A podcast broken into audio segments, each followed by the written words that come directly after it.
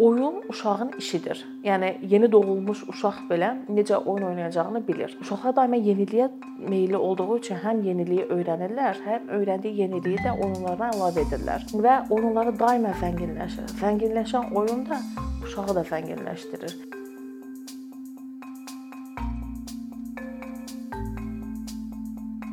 Uşaq oyunlar əsasında öyrənir və oyunlara hər olunmuş kiçik müdaxilələr belə uşağın inkişafına, şəxsiyyətinə birbaşa təsir göstərir. Ona görə də uşaqların oynadığı oyunları heç də adi boş iş kimi e, qiymətləndirməmək lazımdır. Çünki uşaqlar oyun əsnasında inkişaf edir.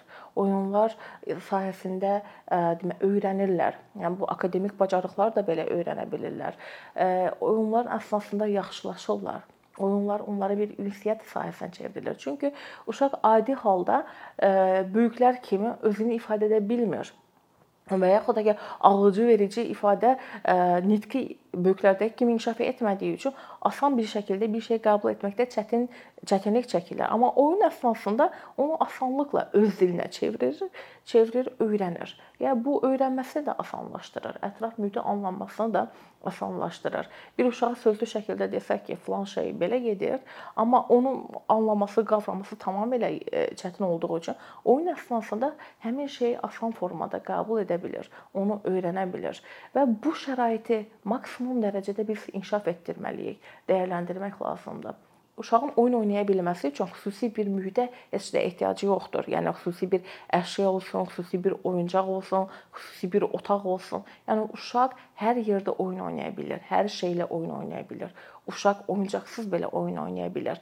Bu uşağın bir ə, xəyal dünyasının inkişaf etməsindən, təqlidi bacarıqlarından, paralel oyun oynamaq ə, kimi bacarığından daha çox şey asılıdır. Və bunun uşağın hər oyununa kiçik müdaxilələr belə uşağın oyununu zənginləşdirir. Çünki uşaq oyunun içərisindədir və onun içərisində öyrənir və bunu valideyn tərəfindən dəstəklənməsi, bağçada bir tərbiyəçi tərəfindən dəstəklənməsi, yeni bir temaların qoyulması uşağın dünya görüşünü belə zənginləşdirir. Qısası, oyun uşağı inkişaf etdirir. Oyun uşağı öyrədir. Oyun uşağın bir ünsiyyət vasitəsinə çevrilir. Oyun əsnasında uşaq yaxşılaşır özünü ifadə etməyi öyrənir. Yəni uşaq oyun oynamazdan öncə hər hansı bir hədəfi olmur ki, falan şey öyrənəcəyəm sadəcə oyun oynadığı zaman öyrənir. Yəni bunu bu məqsədlə də biz müxtəlif spektrdə istifadə edə bilirik. Məsələn, atipik inkişaf olan uşaqlarda müdaxilə proqramı da oyun fonundadır və müəyyən bir məqsəd qoyulur və o məqsədə uyğun oyunlar qurulur. Uşağın təbii ki, maraq dairəsinə aid olan oyunlar qurulur və biz o məqsədə qazanırıq pedaqoji yollarla, yəni nə isə öyrədirik. Çünki məqsədimiz öyrətməkdir. Say saymağı, rəngləri öyrədirik, problem həll etməyi öyrədirik, öz baxım bacarıqlarını öyrədirik, müstəqilliyə meylli edirik. Yəni bu əsasında uşaq öyrənir. Amma yəni dedik ki, e, uşaq öyrənir, uşaq inkişaf eləyir, amma bundan başqa uşaq e, oyunların uşaq üzərində bir başqa bir təsiri var. Bu da terapevtik təsiridir. Terapevtik təsir nədir? Bu, yəni müalicəvi təsirdir. Uşağın amma tək başına oynadığı oyunlar uşağı müalicə eləməz. Burada bir mütəxəssisin olması, onun bir müdaxiləsinin olması daha vacibdir. Yəni bu zaman uşaq e, yaxşılaşmanı, müalicəni hiss edir. Buna görə də uşaq psixoterapiyası oyun fonunda yaradılır. Çünki oyun uşağın bir maraq dairəsidir. Bir hədəf var orada. Bu amma uşaq niyə üçün oyunlardan istifadə olunur? Bu mövzuya toxunmağa gələrsək əgər, çünki uşaqların özünü ifadə etmə şəkli böyüklərdən tamamilə fərqlidir. Yəni böyüklər sözlü, yəni verbal şəkildə özünü ifadə edə bilər, amma uşaqlarda alıcı verici nitqi tam da yəni inkişaf etmədiyi üçün, axıcı bir nitqi olmadığı üçün, söz ehtiyatı zəngin olmadığı üçün özünü oyunlar vasitəsilə ifadə edir. Çünki uşağın beynində hər hansı bir təcrübə var neqativ təcrübə, pozitiv təcrübə, eyni düşüncəsi, duyğuları, davranışları onları oyunlarına daxil edir. Yəni içindəki motivasiya ilə xaricdəki reallıq, yəni nə hansı oyun varsa, hansı mühit varsa, orada reallaşdırır və oyunlarını bizə göstərir, özünü ifadə edir. Həmin oyunlara baxaraq biz uşaq üzərində hər hansı bir geniş məlumat əldə edə bilirik. Və bu uşaq psixoterapiyası da oyun terapiyasında əsas məqsədi budur. Bir də ki, və bunun olmasına əlavə, çünki oyun bir ünsiyyət vasitəsi kimi seçilmişdir və oyun uşaqla psixoterapevt arasında yerləşir. Yəni uşaq oyununu oynayır, psixoterapevtə geri verir. Psixoterapevt onu götürür, onu formalaşdırır, uşağa geri verir. Uşaq onu mənimsəyir, yenidən şəkilləndirib geri verir. Döngü şəklində sikl gedir, amma bu da davam edir hər zaman ta ki yaxşılaşmağa qədər. Uşaq onu, yəni hər zaman da bu davam eləyəcəkdir. Daha da oyun dəyişiləcək. Yəni bu oyun əvvəlki oyunundan tamamilə fərqli olacaqdır. Adi bir halda biz uşaqların oyununu götürəndə uşağın bu gün oynadığı oyunla dünənki oyunu eyni deyil, sabah oynayacağı oyun da eyni deyil. Çünki o qədər zənginləşib təkmilləşir ki. Amma uşaq e, psixoterapiyası, oyun terapiyası kimlərə demək ki, tətbiq olunur. Ümumiyyətlə burada bir uşağın intellektual səviyyəsi də əsas önəmlidir. Yüngül orta mental pozuntuları müşahidə olunan yanaşı psixoloji pozuntular, məsələn, bunlara davranış pozuntuları, bağlılıq, impulsivlik, depressiya, travma, qorxu, fobiya, travma sonrası stress pozuntusu, bacı-qardaş qısqanclığı, övladlıq, ögey valideynlik bu kimi hallarda olan uşaqlarda ümumiyyətlə tətbiq olunur oyun terapiyası. Oyun terapiyasının əslində 3 növü var. İstiqamətləndirilmiş, istiqamətləndirilməmiş ailə oyun terapiyası. Amma bizim əsas fokuslanacağımız uşaq mərkəzli oyun terapiyasıdır. Bu nə deməkdir? Harda tətbiq olunur? Kimlər tətbiq edir? Necə tətbiq olunur? Və uşaq üzərində hansı e, tip dəyişikliklər olur? Uşaq mərkəzli oyun terapiyası 3-13 yaşlı uşaqlara tətbiq olunur. Tətbiq üçün xüsusi bir ortama, yəni otağa, oyun materiallarına ehtiyac var. Oyun otağı geniş olmalıdır, səliqəli, işıqlı, Çünki uşaq özünün təhlükəsizliyini qorumalıdır. Bir pəncərənin olması məsəl üçün vacibdir. Qapı elə yerdə yerləşməlidir ki, uşaq üzrə məsələn psixoterapevt qapı tərəfdə heç bir zaman oturmaz. Çünki sanki uşaq fikirləşər ki, onun qapıdan çölə çıxma icazə yoxdur və onu qorxuya sala bilər.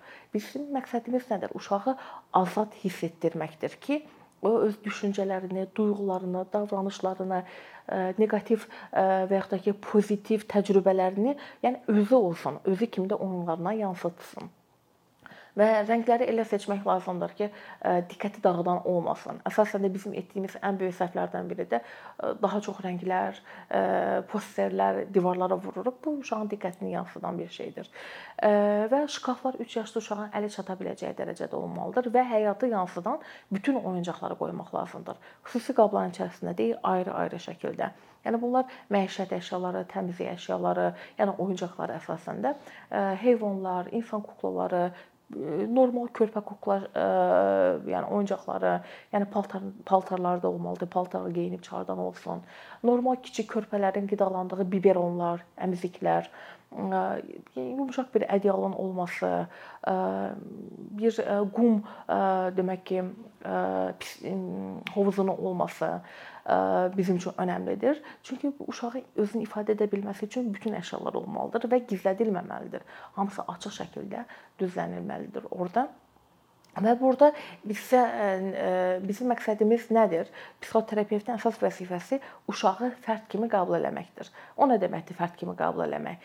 Yəni həm neqativ davranışlarda, həm də pozitiv davranışlarında qəbul etməkdir, diqqət etməkdir, mühakimə etməməlidir. Yəni sual verməməlidir. Niyə bunu götürdün? Niyə bunu elədin? Burada heç bir müdaxilə etməməkdir. Psixoterapevt yalnız uşağın hər hərəkətini şərh etməkdir, əks yansıtma ilə olduğu kimi mühakiməsiz formada söz verməməlidir, əyləndirməməlidir. Əgər oyuna daxil olmayıbsa, uşaq mütəxəssis oyuna daxil etmirsə, oyuna daxil olmamalıdır, gözləməlidir.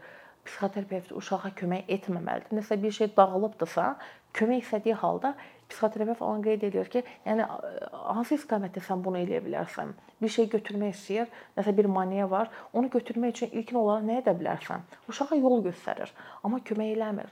Əgər təhlükə anı yaranıbsa, o zaman kömək eləyə bilər. Yəni burada kiçik xırda detallar var ki, biz bunları tətbiq etməliyik. Və buna görə də Niyə görə biz uşağın hər hərəkətini, duyğusunu geri yansıdıb şərh etməliyik? Çünki uşaq bəzən qəzəbli olur, ancaq qəzəbli olduğunun fərqində olmur geri yansıtma ilə, geri şərhlə artıq o qəzəbli olduğunun fərqinə varır, fərqində olur, dinlənildiyini görür, başa düşüldüyünü görür və uşaq buna görə də artıq özü kimi olur və əmin olur ki, bəli, mən heç kim mühakimə eləməyəcək. Və bu özü mərhələli şəkildə olur. Uşaq birinci girir otağa. Və ilkin olaraq otağı, əşyanı psixoterapevtlə tanış olur və suallar verir. Və oyuncaqları üst tutanda əsasən də hansı oyuncaqları öz evində təcrübəsini gördüyü oyuncaqları görür və deyir, "Bundan məndə var, biraz böyüyü məndə var. Yox, bu fərqli rəngi məndə var." Yəni malik olduğu və bildiyi oyunları uşaq psixoterapevtə göstərir ki, qəbul olunsun, fərdiliyini, şəxsiyyətini qəbul etsin. İkinci mərhələ bir aqressiv bir dönəm olur güvənli test etmək üçün. Çünki görür ki, ilk gündə psixoterapevt hər hansı bir şərh eləmir, mühakimə eləmir, olduğu kimi qəbul edir və o zaman deyir ki, "Okay, mən bir aqressiv hərəkətlərimdə belə məni qəbul eləyəcəkmi?" deyərəkdən aqressivlik artır. Amma şuurlu şəkildə aqressivlik artır. Artıq bu dönəm də getdiyi üçün travmaların işləndiyi bir dönəmə gəlirik. Bu travmaların işləndiyi bir dönəmdə aqressivlik daha da artır. Məsələn, psixoterapiyada belə bir yanlış ifadə var ki, həm böyüklər üçün, həm də uşaqlar üçün hər seans uşağı hə, şən etməz.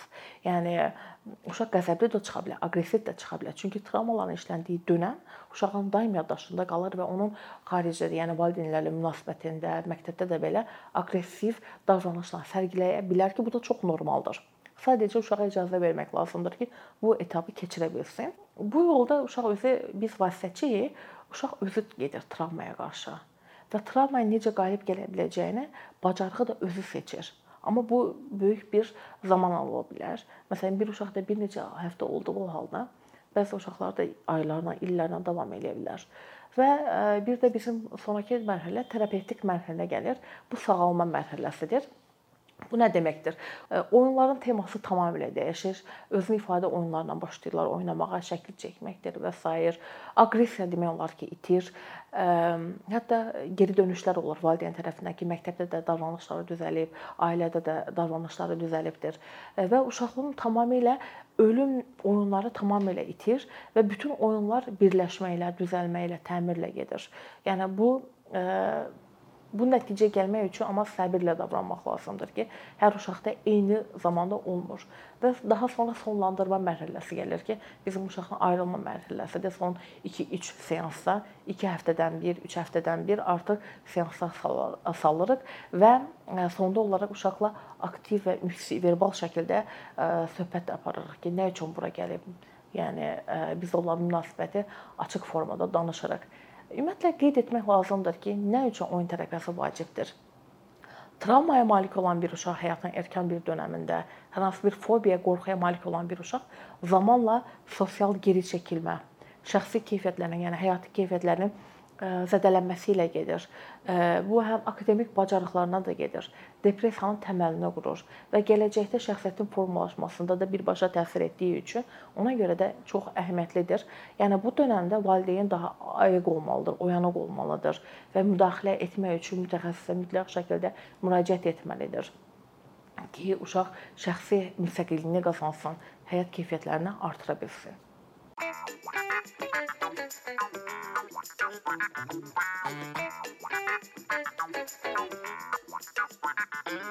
you.